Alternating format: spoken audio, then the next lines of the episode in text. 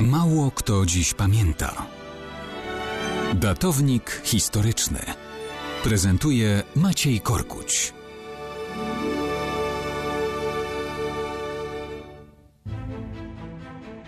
Mało kto dziś pamięta o bitwie nad Mozgawą w pobliżu Jędrzejowa, która miała miejsce 13 września 1195 roku. To była jedna z najkrwawszych bitew Polski doby rozbicia dzielnicowego i była to bitwa w pełnym tego słowa znaczeniu bratobójcza, co powinno mieć charakter memento dla dzisiejszych również Polaków. Była efektem sporu o zasady i o racje, tyle że każdy uczestnik miał swoje racje. Bolesław Krzywousty, dzieląc Polskę między synów, wcale nie chciał rozbijać jej jedności. Wręcz przeciwnie, obdzielając wszystkich dzielnicami, najstarszego, seniora, uczynił księciem zwierzchnim, princepsem, dodatkowo władcą Małopolski. Ale od początku pojawiły się schody.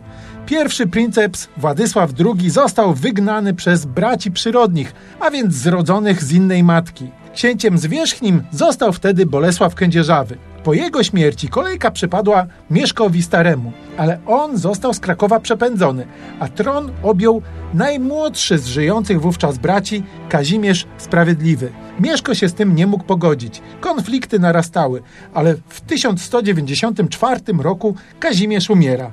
Mieszko chce do Krakowa wrócić, ale górę biorą zwolennicy osadzenia na tronie małopolskim syna Kazimierza Sprawiedliwego, małoletniego Leszka Białego. Tego już za wiele. Mieszko Stary stawia na rozstrzygnięcie zbrojne. Wzywa na pomoc Mieszka Plątonogiego, opolskiego Jarosława i wraz z synem Bolesławem rusza z wojskiem do Małopolski. Armią Leszka dowodzi krakowski wojewoda Mikołaj. Pomagają mu posiłki ruskie. Dochodzi do krwawej jatki. Bitwa jest nierozstrzygnięta. Sam Mieszko Stary zostaje ranny i cudem nie traci życia, ale jego syn Bolesław ginie na polu bratobójczej walki. Wtedy Mieszko się wycofuje, wraca do układów dyplomatycznych. W gruncie rzeczy bitwa pod Mozgawą jako krwawa rzeź tylko przypieczętowała agonię zasad ustalonych przez Krzywoustego.